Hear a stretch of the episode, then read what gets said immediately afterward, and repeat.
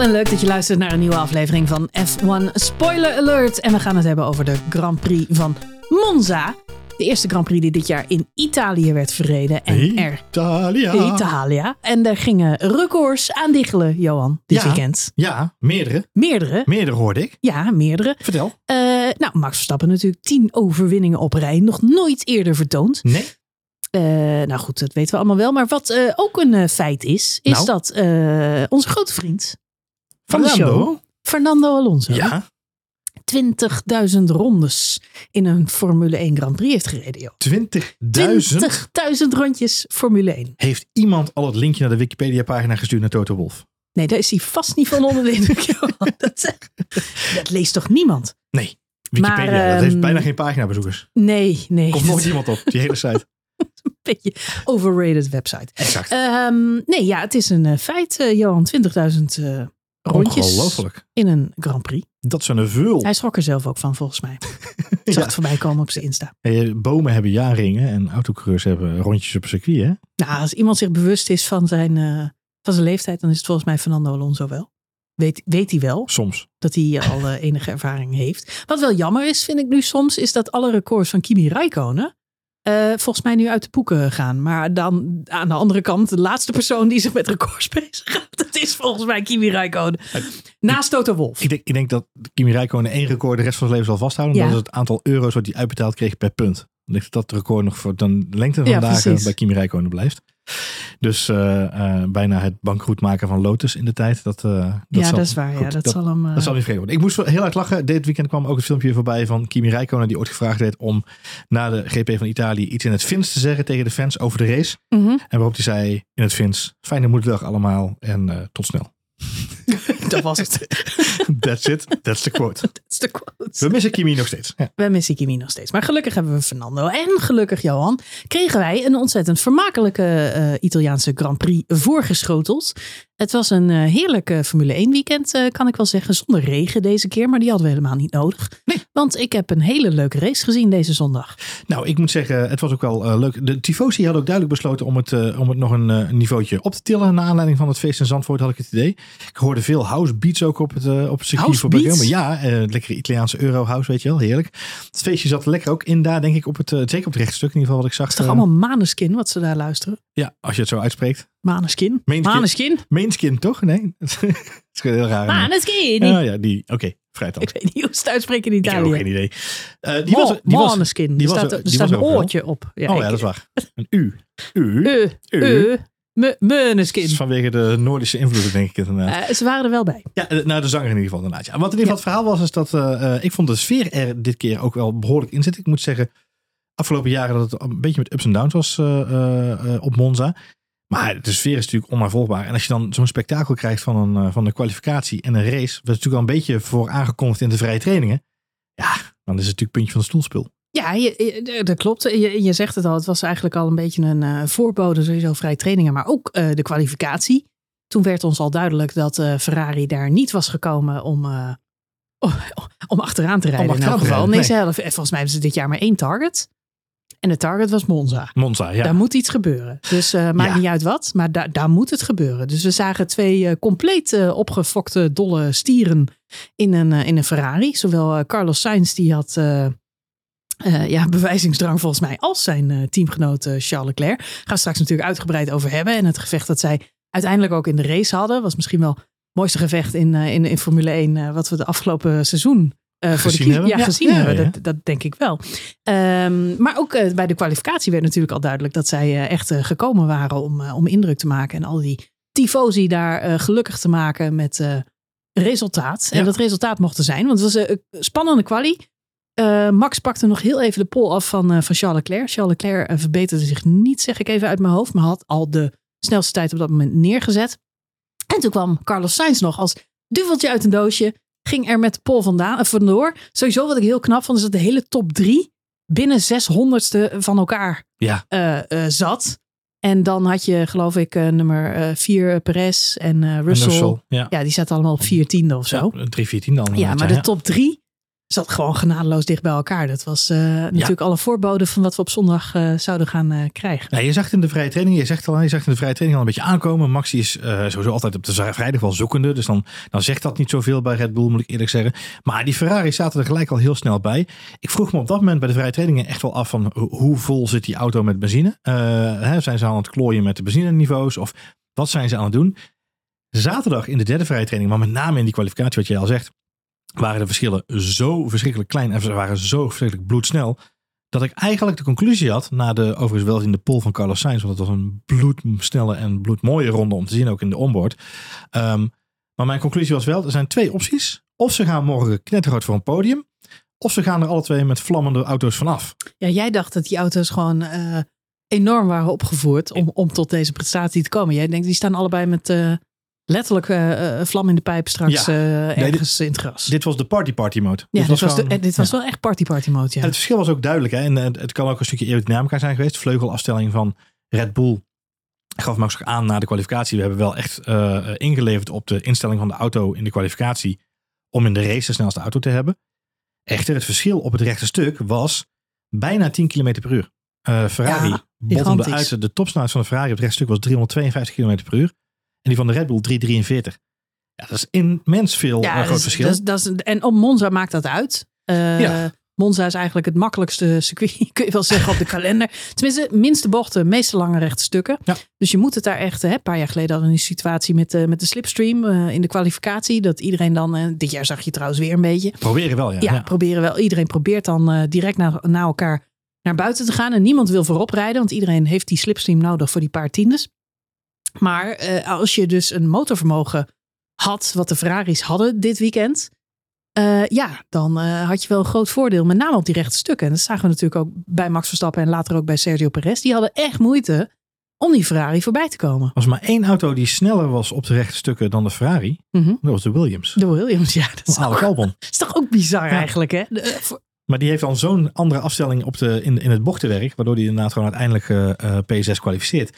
Maar, wat nog steeds razend knap is. Dat vooropstellen van Alexander Albon. Maar ja, die Ferraris die stonden voor mijn gevoel wel afgesteld op oorlogsstand. Uh, ja. Kan, wat... nog steeds, kan nog steeds uh, uit, uit ja. Uh, uit de mouw, uh, als aap uit de mouw komen. Dat, dat, dat de volgende Grand Prix we twee motorwissels zien bij Team Ferrari. dan, weten we, dan weten we in elk geval dat deze behoorlijk opgerookt zijn. Twee verkoolde hamsters. Die ja, uit, precies. ja, precies. nee, het is, het is uh, wat mij wel opviel na afloop van de race. Uh, zei Frederik van Zeur wel dat hij het gevoel had dat het team een, uh, zowel qua vermogen als qua aerodynamica een flinke stap had gemaakt naar Zandvoort. En dat hij met veel hoop richting Singapore gaat.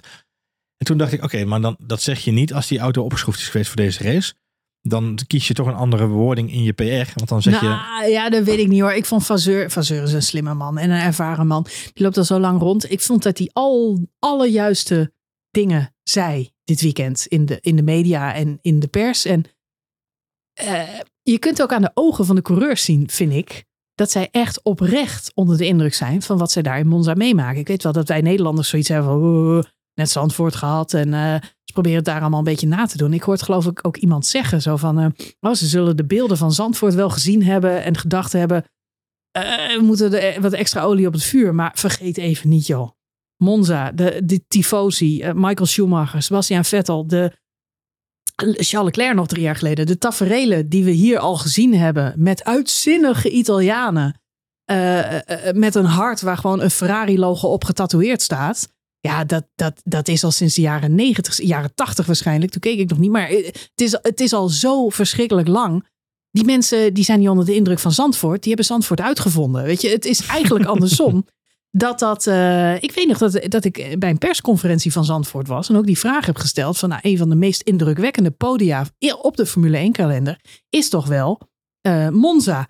Uh, wat gaat Zandvoort doen om zoiets te evenaren? Nou, er waren plannen voor. En uiteindelijk, het podium is prachtig geworden. Hè? En Zandvoort, inderdaad, toen wisten we het allemaal nog niet. Maar kippenvel. Het is, Wat ze daar neerzetten is, is, is buitenaards. En iedereen in het oranje. En sfeer zit er goed in. En nou, ik heb ook deze week weer alle artikelen gelezen en ook op Instagram alle berichten gezien van mensen die gewoon lyrisch waren over die Nederlandse fans die in de, in de regen gewoon doordansen. En, maar Italië, ja, Monza, die mensen die kunnen er ook wat van. Maar moet je dus nagaan dat je coureur bent voor dat team en daar aankomt. De blik van Charles Leclerc. Ja. dat hij daar, weet je, dat hij zei van ik lach niet vaak, maar, maar dit vind ik wel heel bijzonder. Beetje, beetje in context plaatsen, want het kan zo een meme zijn. Hè? Want het is ook, zag hem ook voorbij komen. Het effect van Ferrari op mannen. Ja, Ik lach niet vaak. Maar hij zei, ik lach niet vaak om P3.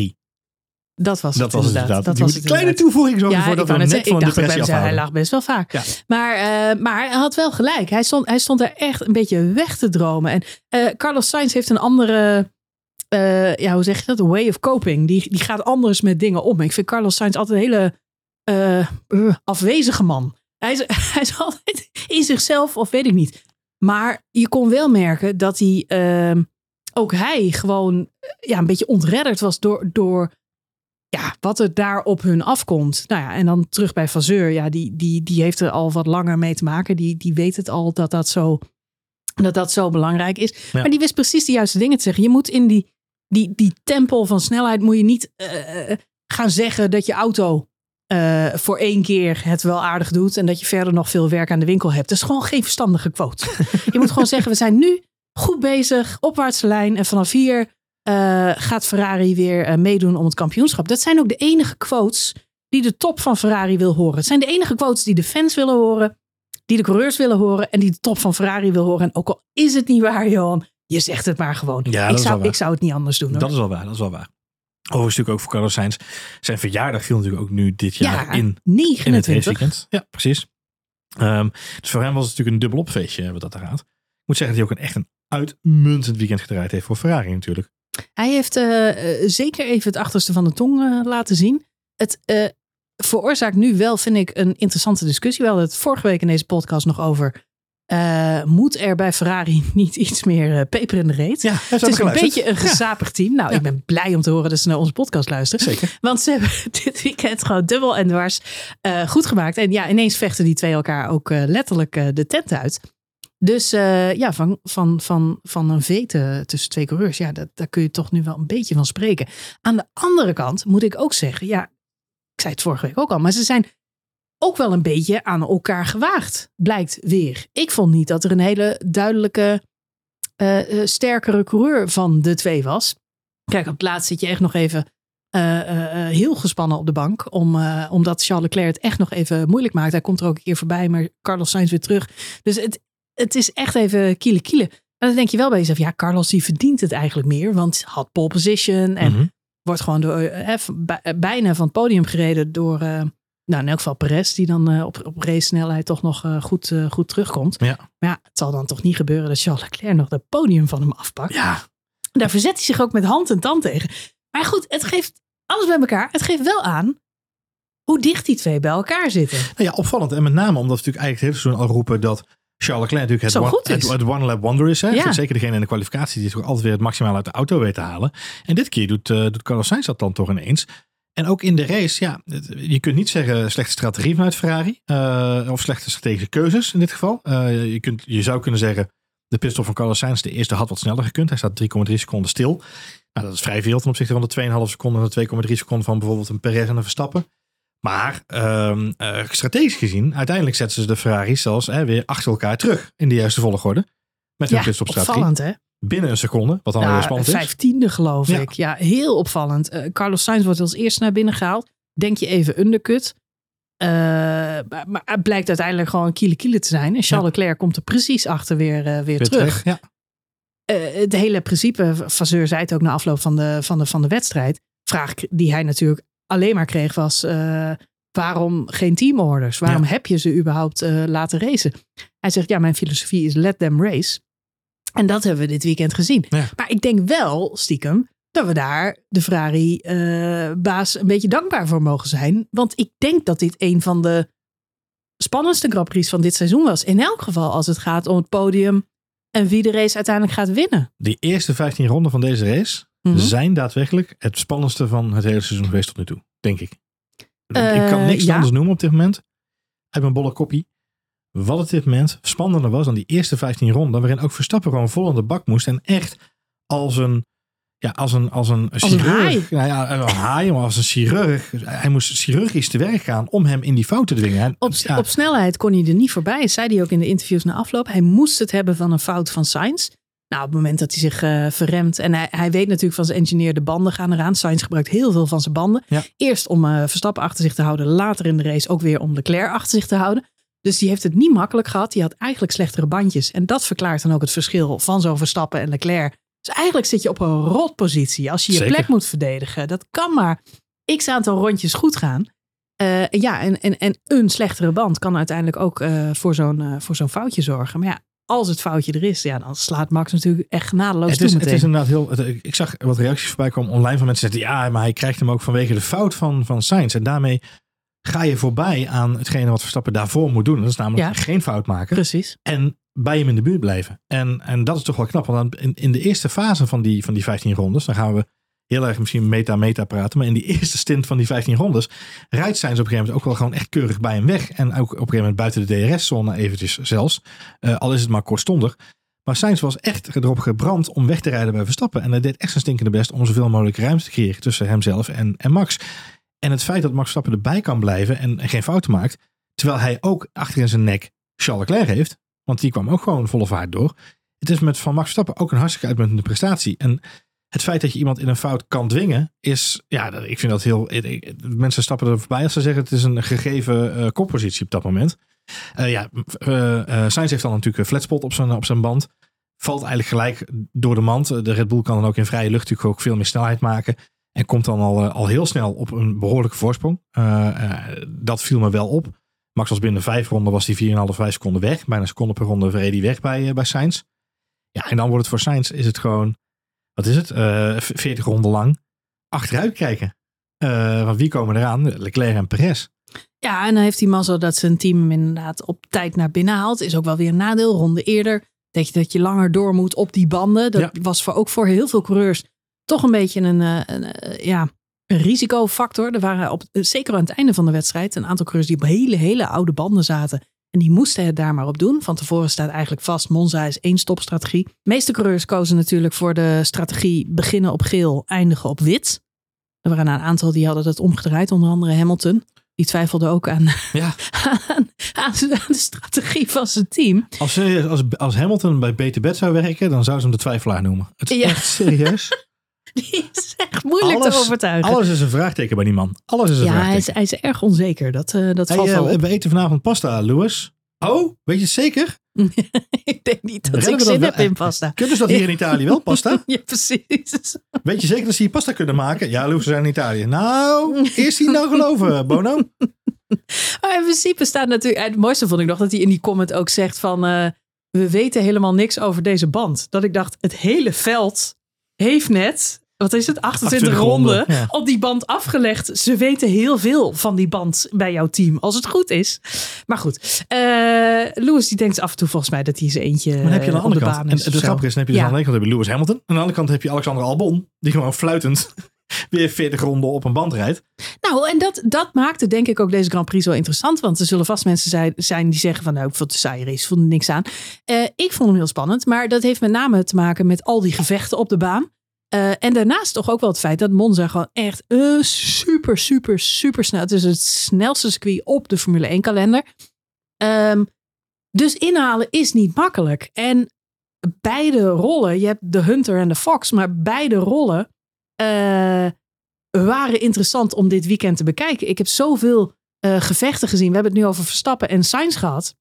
Waarbij inderdaad Verstappen als een sluipmoordenaar erachter zit.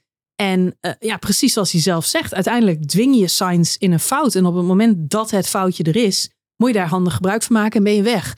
Maar om in, bij dat foutje te komen, moet je dus wel zorgen dat je elke ronde binnen vijftiende van Sainz blijft zitten. En weer batterij laden. Moet je weer iets laten vieren. Maar ja, ze hebben op een gegeven moment ook. Als, je, als hij op drie tiende zit, kan hij hem pakken. Dan Ja. heeft hij genoeg om hem te pakken. Nou, die marge, daar was hij net op aangekomen. Op dat moment maakt Sainz het foutje al. En ehm, eh, ook mede natuurlijk omdat hij al veel, zoveel van zijn band heeft gevraagd. Ja. Dus dat is een tactiek. Weet je, inhalen is niet makkelijk. We zien later in de race Perez, die moet hetzelfde doen. Ja, daar gaat gewoon drie of vier keer mis. Omdat hij eh, maar één modus heeft en dat is later remmen. En dat zien we niet alleen bij Perez, maar dat zien we ook bij Lennon Norris en bij Hamilton. En bij, we zien het bij meerdere coureurs ook misgaan. Die pogen diezelfde inhaalactie uh, te doen. Ook Hamilton maakt gewoon een stomme fout door Piastri eruit te rijden dit weekend. Dus Ja. zelfs, uh, Zelfs de grootmeesters. ja, zelfs de grootmeesters uh, gaan de fout in op Monza. Um, en dat vind ik zo interessant. En jij noemt nou Albon. Ja, Albon vind ik juist een grootmeester in het verdedigen. Ja. Want dat moet je dus ook kunnen. Geen fouten maken en de bol achter je houden. En je banden managen. En dat vind ik wel mooi van Albon. Dat iedereen ook, hè, zijn teambaas en iedereen. Albon is gewoon een slimme, een intelligente coureur. Die ook weet dat hij zijn banden moet managen. Nou, en daar vind ik dus wel enig onderscheid in zitten. We zien dat op tv niet altijd terugkomen. Maar je hoort het wel in de interviews na afloop. En ook als je naar rondetijden kijkt of naar uh, de batterijstatus en wat er dan in zo'n race gebeurt. Er zijn gewoon intelligente coureurs heel goed kunnen verdedigen. En is dat flauw? Ja, hij is de eerste na afloop om te zeggen: Ik was een treintje. Ja. Weet hij staat daar vrolijk in de persconferentie of in de interviews na afloop. Van ja, ik was een beetje een treintje.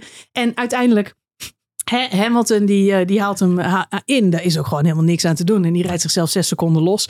Komt zo ook nog van zijn penalty af. Ja, daar, Albon had daar geen boodschap aan. Heeft Nee. geen zin om dat proberen bij te houden. Albon had maar één missie. Dat is de rest achter me houden. Nou, en die missie heeft hij goed uitgevoerd. Ja, dat vind ik, dat vind ik ook bewonderenswaardig. Albon, Albon en Lawson gingen als een van de eerste naar binnen. Hè. Die gingen als een van de eerste naar de hards toe. Lawson zelfs in ronde Ja. 12 al voor mijn gevoel. Hij was En- een van die, eh, die hele oude banden Ja, had. dus ja. Lawson had inderdaad volgens mij ronde 12. Dus dan heb je nou, bijna, wat is het, Bij- bijna 40 ronden rijden dan op die, eh, op die Op die band. hards. Eh, op die hards inderdaad. En eh, Albon inderdaad ook ronde 14 uit mijn hoofd. Ehm, dus dat, dat is razend lang, of eh, razend veel eh, ronden die je moet rijden op die band. En Hamilton was natuurlijk eerder, of, eh, was net daarvoor naar binnen gegaan op nieuwe mediums. Dus die reed op relatief, ja niet relatief, gewoon veel betere banden dan Albon. Dus het feit dat hij hem daar inhaalt, hij weet nog op dat moment, ik moet hem achter me houden. Wat ik grappig vond is, na afloop van de race zei Albon ook in een interview waar ook Lando Norris bij stond.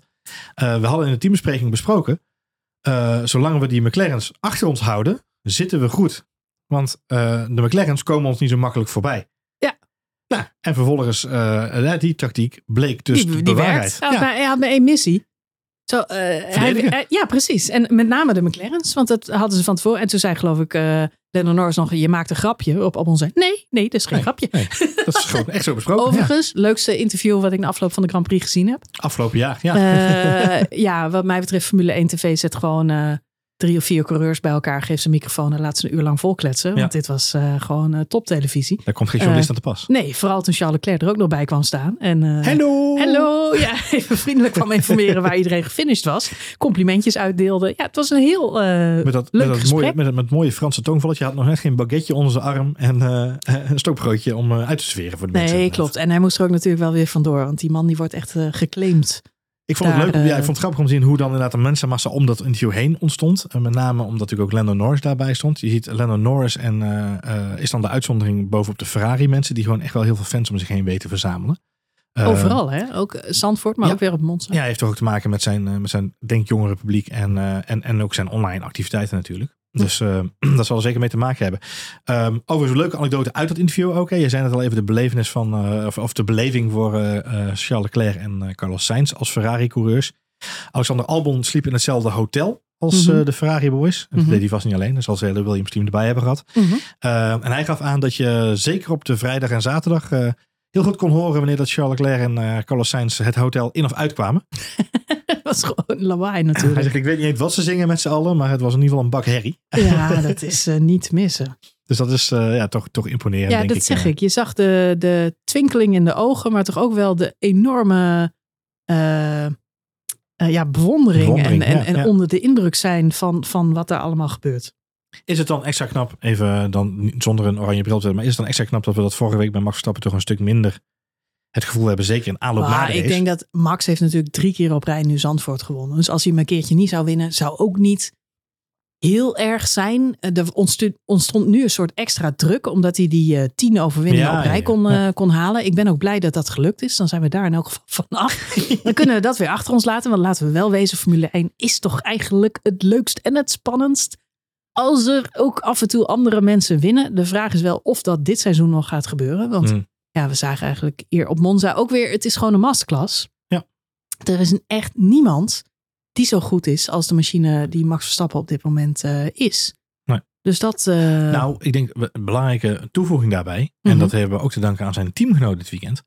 Ik denk dat we heel goed hebben kunnen zien dat er op dit moment geen team beter is dan het team van Red Bull. Gewoon strategisch en qua eh, afstelling en hoe ze de boel op orde hebben. Het feit dat je hier een 1-2 pakt, terwijl je uh, 2 en 5 start, 2 en 4. Uh, ja, dat, dat zegt maar toch wel dat er een hoop uh, slimme beslissingen zijn genomen gedurende de race. dat klopt, maar vergeet niet dat Sergio Perez er ook echt wel zelf voor heeft moeten werken. in verhouding had hij natuurlijk geen goede kwalie, want de vierde plek voor toch wel een van de snelste auto's ehm, ja, is niet goed. Nee. Met name het verschil in tijd. Uh, ja. Vier tiende van Max Verstappen is veel te veel.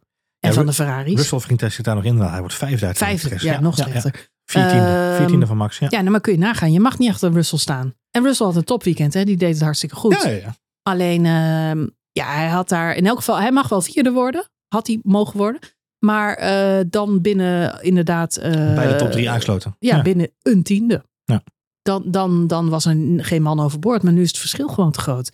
Dus daar moet wel aan gewerkt worden. Uh, echter, in de race vecht hij zich goed terug. Is het net zo clean en klinisch als, uh, als Max Verstappen? Nee, zeker niet. Het gaat met een hoop uh, gooien smijtwerk. En, en ja, toch wel rempuntje hier missen, rempuntje daar missen. Hij steekt een aantal keer rechtdoor. Loopt ook een beetje te klagen over de boordradio. he cut me off of he pushed me off. En ja, uiteindelijk lukt het gelukkig wel. En dat, dat vind ik dan ook wel weer een teamverdienste. Dat ze bij hem wel de goede moet erin houden en zeggen: Max had hetzelfde probleem. Uh, je, je bent sneller, het ja, komt goed. Komt goed. Dat is ook het enige wat je kunt zeggen uh, tegen je coureur. En na afloop kreeg hij verdiende complimenten. Ik denk dat het misschien wel Perez beste race van het seizoen is geweest. Misschien, nou ja, goed, los van de overwinning die hij behaald heeft. Uh, dit ja, seizoen. maar qua prestatie vond ik dit een moeilijkere qua, qua terugrijden, uitdaging. Ik, ik, moet, ik moet zeggen, de communicatie met zijn, met zijn engineer, Grote Vogel, dat, dat werkt er ook wel goed. Die, die houdt hem wel echt op de hoogte van wat er gebeurt. En wat jij zegt, eh, hij is dan ook de eerste die zegt, zodra hij begint te klagen, oké, hou je hoofd kalm.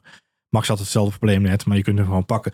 Je ziet dat er eigenlijk maar één echte plek is waar ze uh, kunnen inhalen. Dat is op het rechtstuk, eindrechtstuk is chicane. Um, maar daarvoor moeten ze wel de line-up goed hebben in de laatste bocht van de, van de, van de ronde. En nou, dat, volgens mij zei uh, Charles Leclerc en, en volgens mij Carlos Sainz zei het ook uh, in, de after, in, de, in, de podcast, achteraf zeg ik altijd, in de, in de cooldown room. Zei Carlos Sainz ook van jullie snelheid in dat laatste stuk was gewoon belachelijk. hoe snel ze dichterbij kwamen in die laatste bocht. Ik denk dat Perez daar goed gecoacht is. Um, en ik, ik moet zeggen, we hebben het veel over het record van Max. Uh, maar 24, gezegd goed, ja, 24 van de laatste 25 races zijn gewonnen door Red Bull.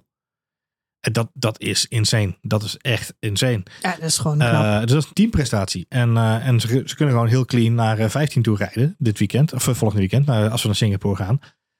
Um, dat, dat zijn echt wel ja, prestaties waar je als team ook trots op kunt zijn, denk ik. En er is natuurlijk veel gedaan te doen geweest dit weekend in aanloop na en ook na afloop van. Over de kracht van Max en teamgenoten.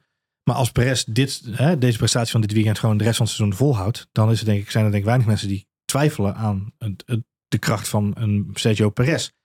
Um, ah, dat laatste weet ik nog niet zo. Want dit was een one-off. En hij heeft het met gooi- en smijtwerk uiteindelijk over de finish getrokken. En het resultaat is er naar. Er zijn geen, uh, ernstige ongelukken gebeurd. Deze Grand Prix. Het was wel een aantal keer kiele kiele. Vind ik. Dat vind ik altijd. Als Perez uh, mensen aan het inhalen is.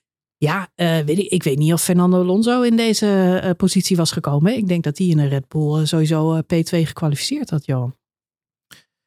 Ja, misschien wel. Aan de andere kant, dat kun je natuurlijk niet inschatten, want we weten natuurlijk niet wat ik er ben, is Ik met ben met heel veel dingen niet eens van Lewis Hamilton, maar ik ben wel met hem eens dat Max tot op heden nog niet de echt sterke teamgenoten heeft gehad.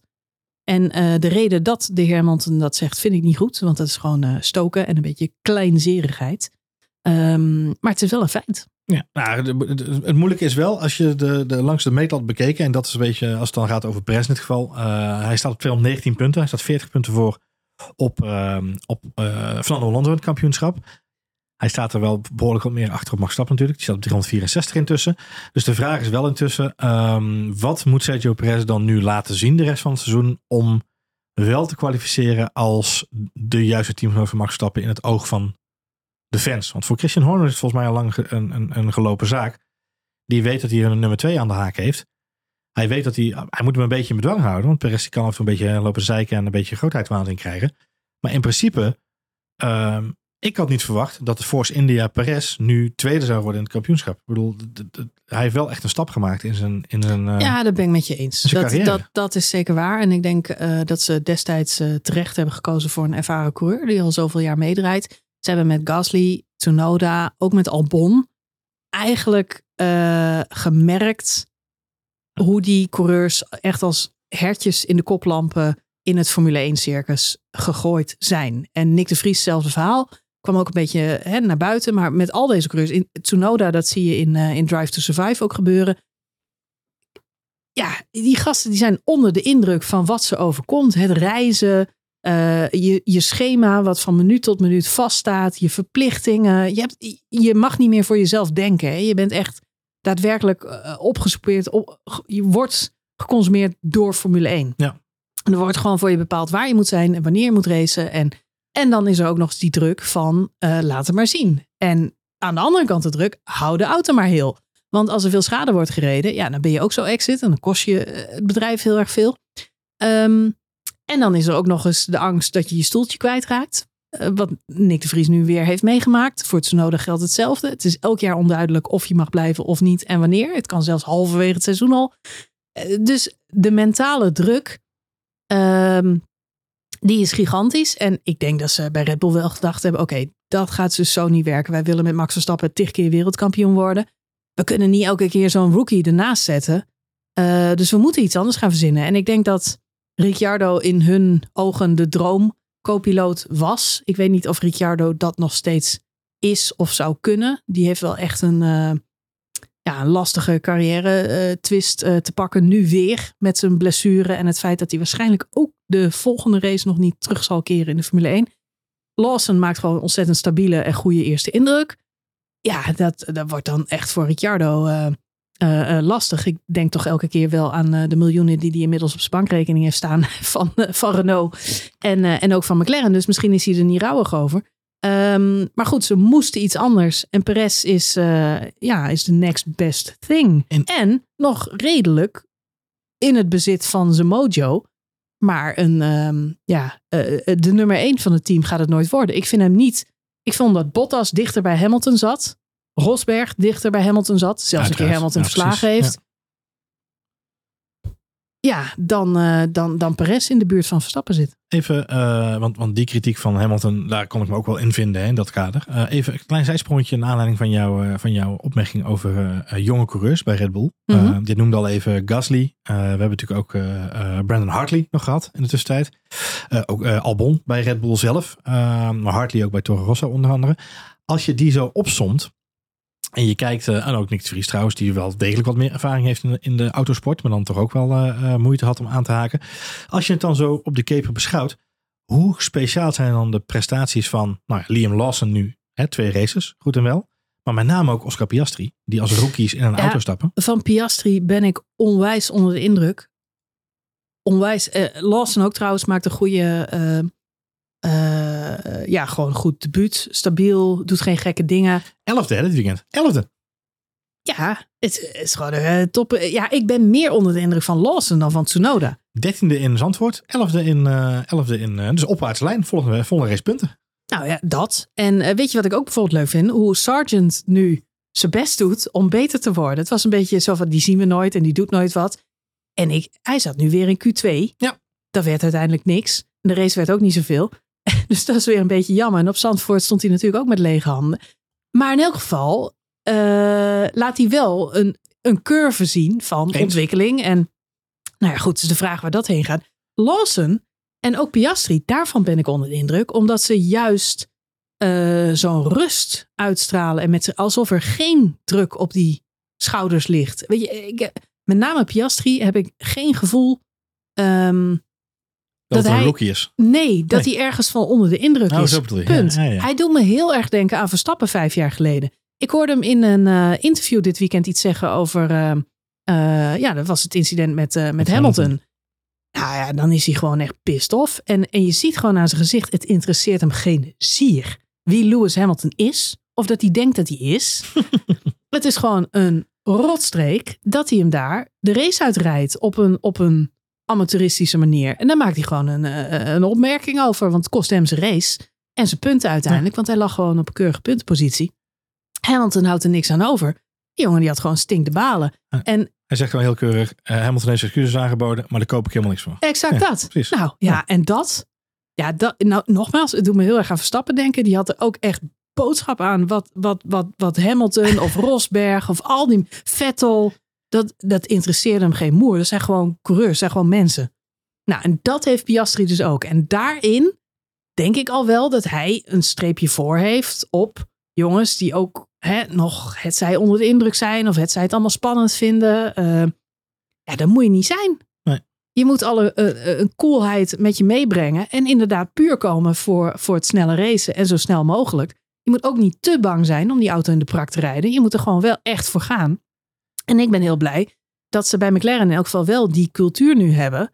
eh, dat er twee coureurs zijn die kunnen zijn eh, zoals ze zijn. Ja. Eh, want ik denk, en het werd vorige week ook in een interview gezegd, dat ehm Lando Norris wel eens van zichzelf schrikt als hij zijn boordradio terug hoort. Ja, ik denk ja. dat Piastri misschien hetzelfde heeft, want ze kunnen behoorlijk bitchen over de boordradio.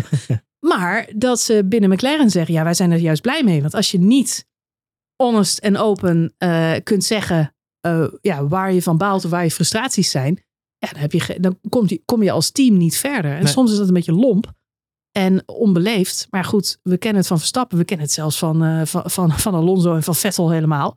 Zeker. Eh, of een Hamilton. Ja, je moet, ja, nogmaals, je moet niet onder de indruk zijn van Formule 1. Dat is geen goed begin van je carrière. Je mag wel respect hebben en waardering en enige rust en de auto een beetje heel houden. Maar moet ook gewoon de beuker in hoor. En, en dat doet Piastri heel goed. Ik hoop, ik hoop stiekem een beetje. eh, volgende race Singapore zal waarschijnlijk de laatste race zijn. nou, tussen haakjes waarschijnlijk. eh, afhankelijk natuurlijk van het herstel van Ricciardo. Maar de laatste race zijn van Liam Lawson bij Alfa Tauri. Ik gun hem echt daar punten. Ik hoop echt dat hij eh, iets uit de hoge goed kan Hij toveren. zat er weer dichtbij, elfde plek. Elfde plek. Hij Je komt niet echt, zomaar op een elfde plek met de slechtste auto op de grid. Nee, zes seconden zat hij achter Bottas. Dat is niet een plek die die, waarmee hij mazzel heeft omdat er mensen uit zijn gevallen. Heeft, is hij zelf naartoe gereden. Is hij naartoe gereden. Ook niemand in de buurt met een tijdstraf of whatsoever. Hij is er echt daar heen gereden. Hij is ook blijven rijden. Dus, eh, en, ja, goed, weer beter dan Tsunoda. Dat was makkelijk deze keer. Eh, beter presteren dan Tsunoda.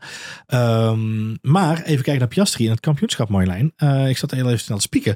Oscar Piastri staat 12 in het kampioenschap met 36 punten. Gelijk aantal punten met Esteban Ocon, die op de 11e plaats staat, omdat zijn achternaam met een O begint. Ehm, op de tiende plek eh, Pierre Gasly met 37 punten.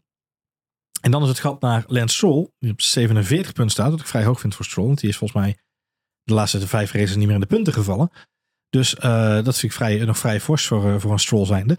Eh, en dan op eh, P8 Lando Norris met 79. Dus even, Piastri gaat gewoon in principe mee voor plek 19 in het kampioenschap op dit moment. Als de Alpine zo ruk blijven rijden als dat ze dit weekend deden, dan wordt dat eh Ja, appeltje. het is wederom een eh, McLaren Alpine strijd om plek 5 in het eh, kampioenschap. Het is eh, 115 om 73 punten. Maar Alpine, ja, had gewoon Alpine had een dramatisch weekend. eh, maar voordat ik daarover begin, eh, kleine correctie, want je zegt net eh alfabetische volgorde. Maar er zit eh, nog meer eh, rekenwerk achter. Vertel. Eh, het heeft namelijk ook te maken met ehm, de posities die Oh ja. je gehaald hebt Ah. in de race. En zo is het bijvoorbeeld dat diezelfde Lawson, waar we het net over hadden, in de puntentelling nu officieel voor Daniel Ricciardo staat. ja. Beide hebben twee races gereden. ehm, maar, en staan allebei nog op nul punten.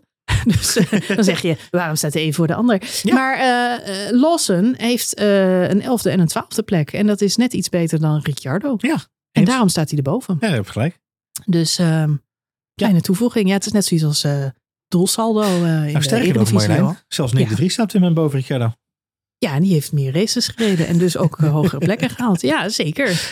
Zo gaan die dingen. Ricciardo moet nog even aan de bak als hij weer terug mag komen. Ja, eens. Eens. Maar goed, nee, Alpine, ja, kunnen we kort over zijn, Jan. Was dramatisch. Wie hebben we niet gezien? Dat is Alpine. Ja, die Ja. waren er niet bij. Nee. Ik snap dat Italië geen Frankrijk is. Dus misschien hebben ze het gewoon opgegeven en gedacht, nou, we gaan er wel heen. Maar Ah, het was natuurlijk, het- is voor, voor Pierre Gasly wel schrikker geweest daar in, eh, in Italië. Ik bedoel, hij heeft natuurlijk ooit een memorabel, podium een memorabele eh, overwinning gehaald. ja. Ehm, maar wat mij wel opvalt, als ik even kijk naar het verschil met Zandvoort vorige week. En nu halen ze niet eens Q1. Het is gewoon Nee. echt, het is echt janken met de pet op en de Franse vlag om je schouders. nou goed, een Renault koop je ook niet voor de snelheid, Johan. Dat weet wel. Nee, dat is voor de luxe. Ja. Dus ehm, Hij zal lekker zitten. ja, we moeten het nog even hebben over ehm, eh, de uitspraken van de heer eh, Toto Wolf en eh, zijn Wikipedia-feitjes. Een beetje kleinzerig. Er stond vanochtend, las ik een artikel op nu.nl, dat het toch wel opvallend is dat de heren Hamilton en ook dus Toto Wolf het eigenlijk elke Grand Prix weekend nodig vinden om deze trap na te geven Mhm. aan de conculega's van Red Bull. wat, wat ik wel met het, de schrijver van het stuk eens ben, is dat het een beetje iets triestigs heeft. En afbreuk doet aan de eigen status van, van beide heren. Die hebben natuurlijk het ene record na het andere gevestigd destijds met Lewis Hamilton. Waren ongenaakbaar, wonnen race na race, seizoen na seizoen. De topdagen van Mercedes die zitten echt nog heel vers in het geheugen. En nu zijn zij eigenlijk de eerste om het succes van een ander zo af te branden. En dat straalt wel een beetje af, vind ik ook, op het merk Mercedes. En uh, ja, hoe dat naar buiten toe overkomt. Er is ook geen enkel ander team die dat doet of die dat nodig vindt. Gooien zij op deze manier een beetje hun eigen glazen in? Uh, ja, ze zullen zelf vinden van niet. Het mogelijk is, ik heb het stuk niet gelezen, dus ik kan niet van de, van, uh, helemaal uh, bepalen wat de insteek was. Maar ik ben het wel eens met de, de, de grote lijn dat het natuurlijk qua PR zijn er sympathieke dingen om te doen. Zeker voor de verkoop van Mercedes in Nederland, denk ik dan. Maar um, kijk, je zult, ja, het is toch zonde dat iemand deze korting wil. Nederland, je... Nederland. Wie bezoekt er nou Nederland, zou Toto Wolf zeggen. Ja, precies. Alleen mensen die op Wikipedia komen. Ja. Um, is niet relevant. Wat, uh, uh, kijk, oh, relevantie is, is het sleutelwoord hier. Wat Mercedes probeert te doen, is in een seizoen waarin ze eigenlijk tamelijk halfbakken meedraaien, ondanks het feit dat ze keurig nog steeds tweede staan in het constructeurskampioenschap. Um, maar ze, ze, draaien mee op plekken 5 tot en met 10. En, en dat is niet waar ze willen zijn. En ook dit weekend weer. Uh, weet je, het is gewoon een Red Bull Ferrari. En dan Mercedes. Um, ze proberen toch op de een of andere manier die relevantie erin te houden voor zichzelf en, en van zich te laten horen. Daarnaast, ik denk dat Toto Wolff heel erg voor zijn, uh, voor zijn uh, ploeg gaat liggen. En wil gewoon wil opkomen voor het feit dat de, ja, deze records zeggen niet zoveel. Ah, je leeft toch in een, in een waanwereld, Johan. Ja, ik herken dit een beetje ja. van mensen die veel met celebrities werken en zo. En celebrities die zijn op een gegeven moment helemaal niet meer. Um, ja, dat zijn geen gewone mensen meer. En weet je hoe dat komt? Omdat mensen om hun heen zo raar met ze omgaan. Ja, het is een beetje, fabriceren een alternatieve realiteit. Nou, vergelijk het met, met je kind. En het is een dag bij, uh, bij, bij je schoonouders geweest. Of bij, of bij je opa en oma. Of bij je ouders, hoe noem je dat? En, uh, en dan krijg je het kind terug. En heeft de hele dag snoep gehad. En het mocht uh, films kijken. En het mocht naar de speeltuin. En het mocht naar, naar de Efteling. En ook nog naar, naar het zwembad.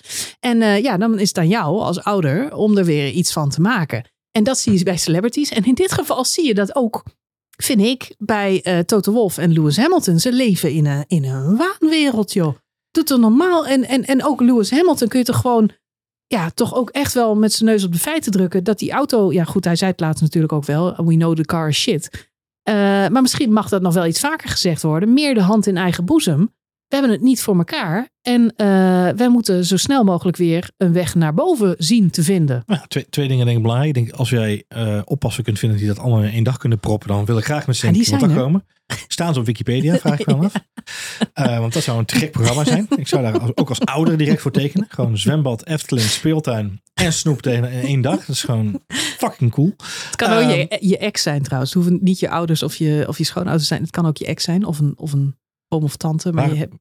Uh, dit is een andere discussie voor een ja. ander moment. Maar waarom? Nou goed. Um, punt 2, Marjolein, welkom in de Formule 1 podcast. Uh, punt 2.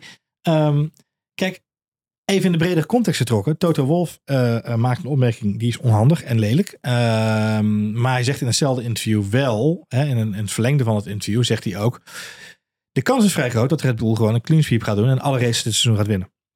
Het ligt aan Red Bull zelf, omdat uh, als het niet lukt, is het, is Red Bull's eigen schuld. Daar lijkt het een beetje op nu. Alleen, alleen mechanische schade of mechanische problemen zouden ertoe kunnen leiden dat Red Bull dit seizoen niet alle races gaat winnen. Dat record zou ik pas fantastisch vinden. Want dat zijn dingen die uniek zijn in de sport. We zijn er zelf ooit heel dichtbij geweest met Mercedes. Wel even naar jezelf toe halen in zo'n quote. Uh, we zijn er zelf met Mercedes ooit heel dichtbij geweest. Behalve het feit dat in 2016 uh, uh, meneer Rosberg uh, en meneer Hamilton elkaar van de baan aftetterden in Barcelona. Daar weten we alles van hier in Nederland. En dat ze in Singapore een mechanisch probleem hadden, waardoor de koppositie uiteindelijk in, in de laatste fase van de race verloren werd. Mm -hmm. um, hij zegt, dat record zou ik wel op waarde schatten. Maar dat zegt me meer dan het aantal races wat je achter elkaar weet te winnen. Nou, weet je, ik denk nogmaals, ik denk dat het niks zo goed is als de media in, in, in de Formule 1. Leer mij de Formule 1 kennen naar 175 race reviews uh, van Spoiler Alert. en vooral ook hoe de media dat dan inderdaad in allemaal hapklare brokjes en quotes dissect. Het zou mij niet verbazen als in een grotere geheel Toto Wolff iets gezegd heeft. Nu hij zich achter zijn oren krabt en denkt, ja, dat had ik moeten weten. De media draait daar dit uit. Um, zijn het handige uitspraken van Toto Wolff? Nee, helemaal niet. Dat realiseert zich nu ook wel. Doet het iets af van de prestatie van Max Verstappen? Nee, want iedereen die de sport volgt weet precies wat jij zegt. Alle andere mensen doen het niet. Uh, is het klein van Mercedes? Ja. Het komt heel bitter en kinderachtig op mij over. En dat gevoel had ik ook al het vorige seizoen toen het natuurlijk ook al niet goed ging met, uh, met Mercedes. Hij zit in een nieuwe positie. Uh, ook weer in de, de Netflix-serie Drive to Survive zit er een scène in waarin hij uh, zijn poot stijf houdt, andere, andere teambaas een beetje uit de tent lokt, quotes loslaat. Je ziet op dat moment, en ik weet, Netflix-series zijn compleet georchestreerd en geregisseerd. Daar zit een idee bij. Maar ik kan me inderdaad zo voorstellen dat het zo gegaan is. Je ziet de andere teambazen met de ogen rollen en oh god, Toto. Hij maakt zichzelf onmogelijk. Ja, maar En het was, iedereen was vol lof. Oh, Toto houdt van de sport en een sportieve man. En op dit moment, ja, ik vind hem een soort Flavio Briatore aan het worden, joh. Het is echt een rancuneuze. En ik snap, hè, ik snap dat het lastig is. Ik bedoel, vorige week op Zandvoort zie ik gewoon uh, No Mikey No. Dat is een populaire merchandise tegenwoordig. Mm -hmm. Want het staat op petjes, het staat op t-shirts. Ik zag zelfs een complete uh, touringcar. Waar gewoon heel groot achterop stond: No Mikey No. en dan denk ik ook bij mezelf: God, als je Toto Wolf bent. en je komt daar aan op de A1-ring, uh, de Red Bull Ring in Oostenrijk. en je ziet die bus toevallig langs rijden. ja, dan baal je toch ook wel een beetje. Ah, maar... Dus ik snap wel dat hij gekrenkt is. Nee, laten we. Laten we maar één, ja. Dit Ja. is toch niet nodig, Johan? Nee, maar laten we één ding wel absoluut met elkaar vaststellen. En, Mhm. en, en volgens mij hoeven we dit nooit te discussiëren. Maar tussen 2014 en 2018, 2019, had Christian Horner exact deze rol. Zoek alle koppen en nee, alle dat dingen ben ik niet met je eens. Nee, hij heeft niet dit soort dingen het- gezegd. We doen het niet voor de records. En de records betekenen verschil- niks. En dat soort dingen heeft, heeft hij nooit Nee, maar gezegd. De, de luis en de pels zijn van, van, eh, eh, van de gevestigde orde, van degene die op dat moment aan het kampioensrijden is. Dat, dat, dat eh, dan maar prikken op andere plekken. Dat is wat Red Bull ook jarenlang gedaan heeft. Het is de strijd tussen Red Bull en, en Mercedes is meer dan alleen. Ja, ik begrijp je punt. Nee, ik ben luizende pijl snap ik. En spel de prikken goed. En misschien is dit Duitse humor die ik niet helemaal begrijp. Eh, Als maar goed zou zijn van een Oostenrijker, maar dat is ja, ik heb toch al... eh, Bij Binotto kon ik het prima hebben. Bij Vasseur kan ik het prima hebben. Bij eh, Christian Horner kan ik het prima hebben. Eh, zelf Zack, Zack Brown, die kan er ook wat van. Die is ook niet altijd heel erg netjes. Ehm, kan ik het allemaal nog wel van hebben. Maar ik vind dat Toto wel vaak echt een stapje te ver gaat. En daardoor eigenlijk zijn eigen legacy een beetje aan het afbrokkelen, afbreken is. Weet je wat een mooie anekdote is? Nou, Brown was een van de eerste die vol in de aanval trok. naar aanleiding van de cost cap gate hè, tegen Red Bull vorig Mhm. jaar of twee jaar geleden. klopt. Een paar maanden geleden, een paar weken geleden, eh, in de zomerbreak hadden ze een speciaal eh, vrijwilligers-event met eh, allemaal mensen uit Formule 1. Er was een diner georganiseerd en er werd een veiling bij georganiseerd. Tijdens het diner zat hij tegenover een oude bekende van hem. Eh, en die had een eh, Red Bull petje op. En eh, ze zijn samen op de foto gegaan als oude vrienden. Mhm. Eh, en hij heeft zijn McLaren petje aan, eh, aan eh, eh, zijn, eh, zijn vriend gegeven. Mhm. De man tegenover hem was Adrian Newey. Ja, En Zack Brown zette hem vol plezier het Red Bull petje op. En, en Newey het McLaren petje. En samen gingen ze op de foto. En ze hadden een leuke avond. Zack Brown is iemand die, dat is een, dat is een, dat is een typisch Amerikaanse zakenman. Die gewoon beukt erin. En daarna ook gewoon weer een biertje drinkt aan de bar. Dat is een beetje wat hij doet. Dus bij het voetballen dan haalt hij een schofteltje zo onderuit, zeg maar. En daarna biedt hij een biertje aan in de bar. En dan eh klets je het erover en is het klaar. ja, ja. Toto Wolff is rancuneuzer. Dat is, dat is duidelijk. Eh daar, zit veel meer, daar zit veel meer vrevel en veel meer eh, spanning dan dat wij kunnen zien. Eh, Horner en, en Toto Wolff, je zegt er Drive to Survive als voorbeeld. Nou, dat zijn wat mij betreft ook als je die quotes tegenover elkaar zet. Die, jongen, die, die twee mannen zijn elkaar constant uit de tent aan het lokken. Doen ze nu gewoon weer. En ik denk ook oprecht dat, dat, dat, dat dit is onderdeel van het spel wat die twee mensen spelen. Is het een leuk spel? Nee. Is het respectvol naar de coureurs? Nee. Ehm, ik, ik kan zo ook niet 1, 2, 3 een quote noemen van Horner waarin hij per se de, de prestaties van Lewis als het gaat om records onderuit schoffelt. Dus, dus dat vind ik wel een. Dat is eigenlijk die trap die er nu ver zijn gegaan in de uitspraken. Dat we dus de records in twijfel gaan trekken. Ja, dat is gewoon zonde onderaan de streep. Maar aan de andere kant, we moeten ook niet doen alsof Red Bull Rooms aan de pauze in dit soort gevallen. Um, en, en in jaren van dominantie zullen er altijd mensen zijn die daar heel hard tegen ageren. En ja, Red Bull en, en Mercedes hebben die uitwerking op elkaar, helaas. Ja, nee, ben ik met je eens. En uh, is ook zo, is ook zo. Ik, vraag me gewoon af. Uh, uh, is het nodig? Nee. Ja, ik, nou ja, ik, ik, ik vraag me gewoon af wat, uh, waar het zo mis is gegaan bij Toto Wolf. Ja, dat weten we allemaal. Abu Dhabi, dat, I know. ik was erbij. Wil je analyse doen nu? Zal ik op nee, leggen voor nee, je? Nee, maar er gebeurde, ik heb het al vaker ook hebben we in deze podcast over gehad. Um, het overlijden van Niki Lauda is denk ik uh, iets wat op Wolf ook op persoonlijk vlak grote ja, invloed heeft gehad.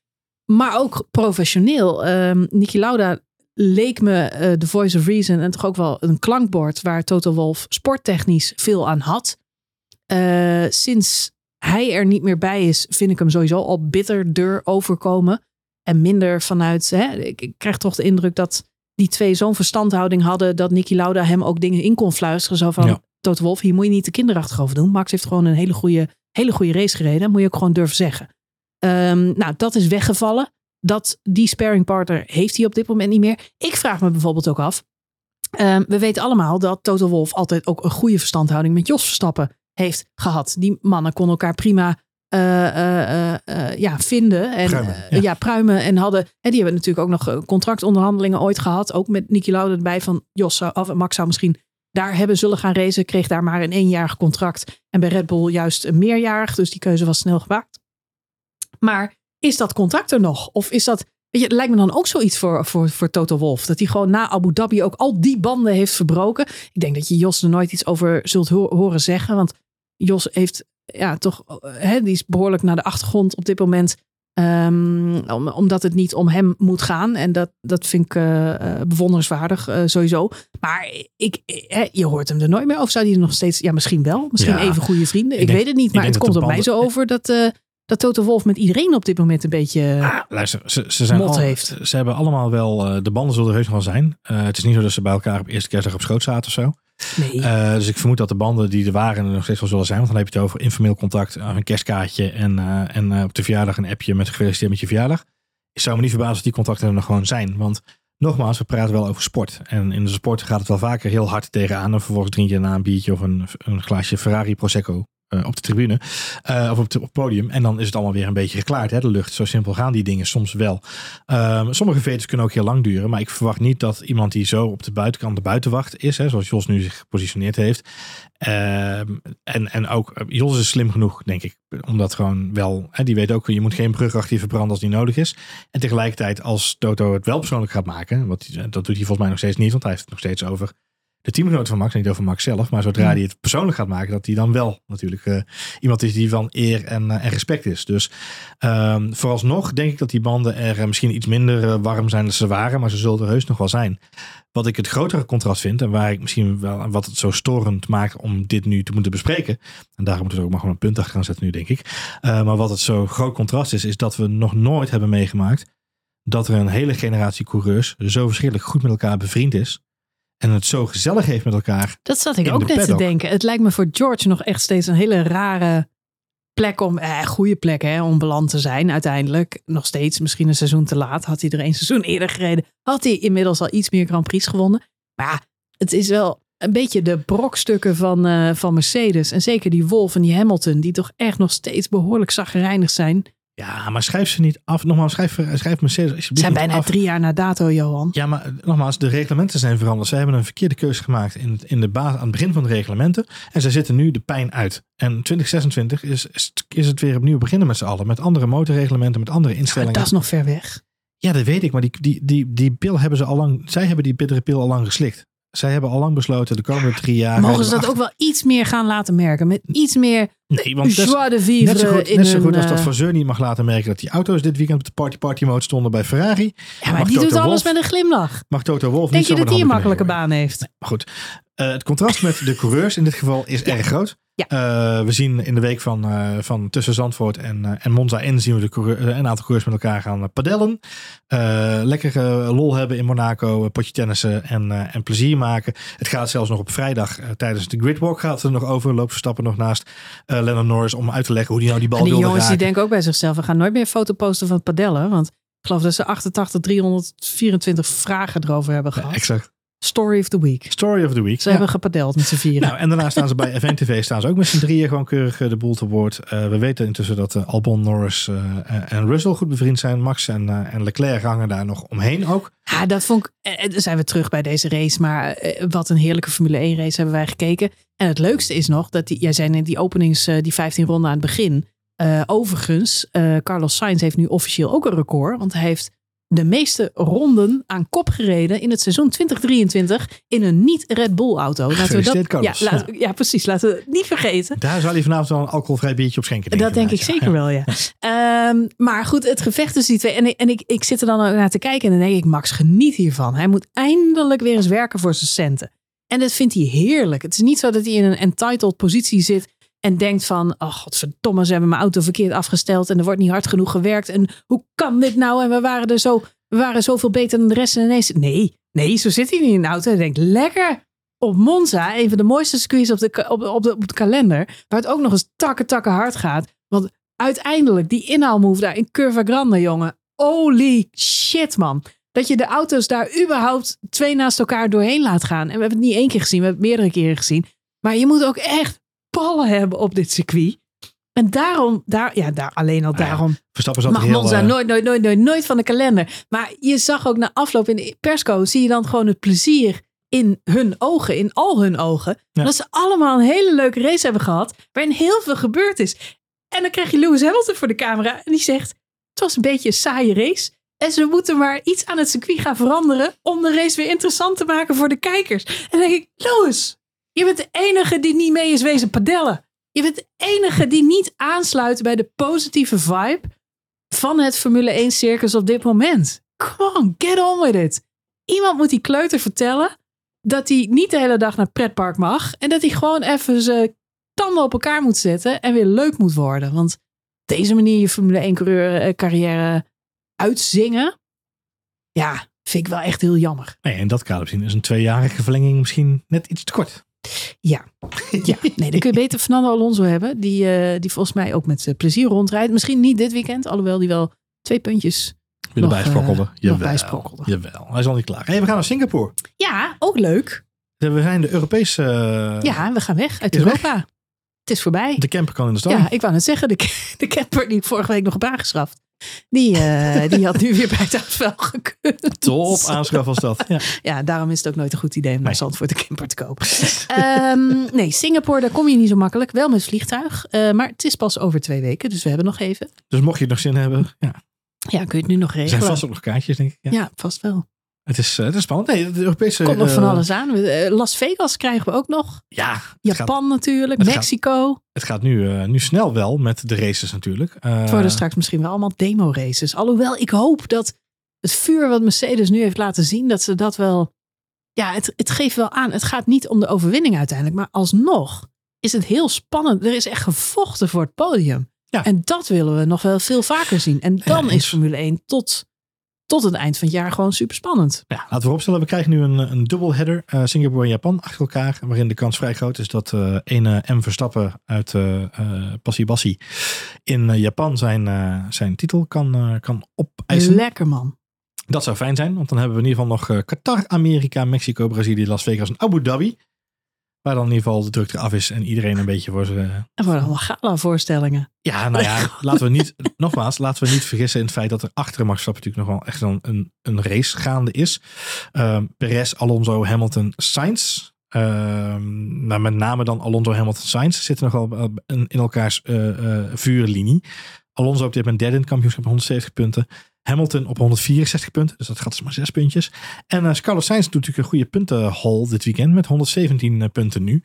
Eh, en, en, Leclerc daar onder op 111. Eh, Russell op 109. Dus dat groepje mensen, Het ligt echt tegen elkaar. de, de, de top drie van het podium. Laten we vooropstellen dat Perez in principe met 219 punten niet mag weggeven. Maar dan daaronder 3, 4, 5, 6, 7, 8.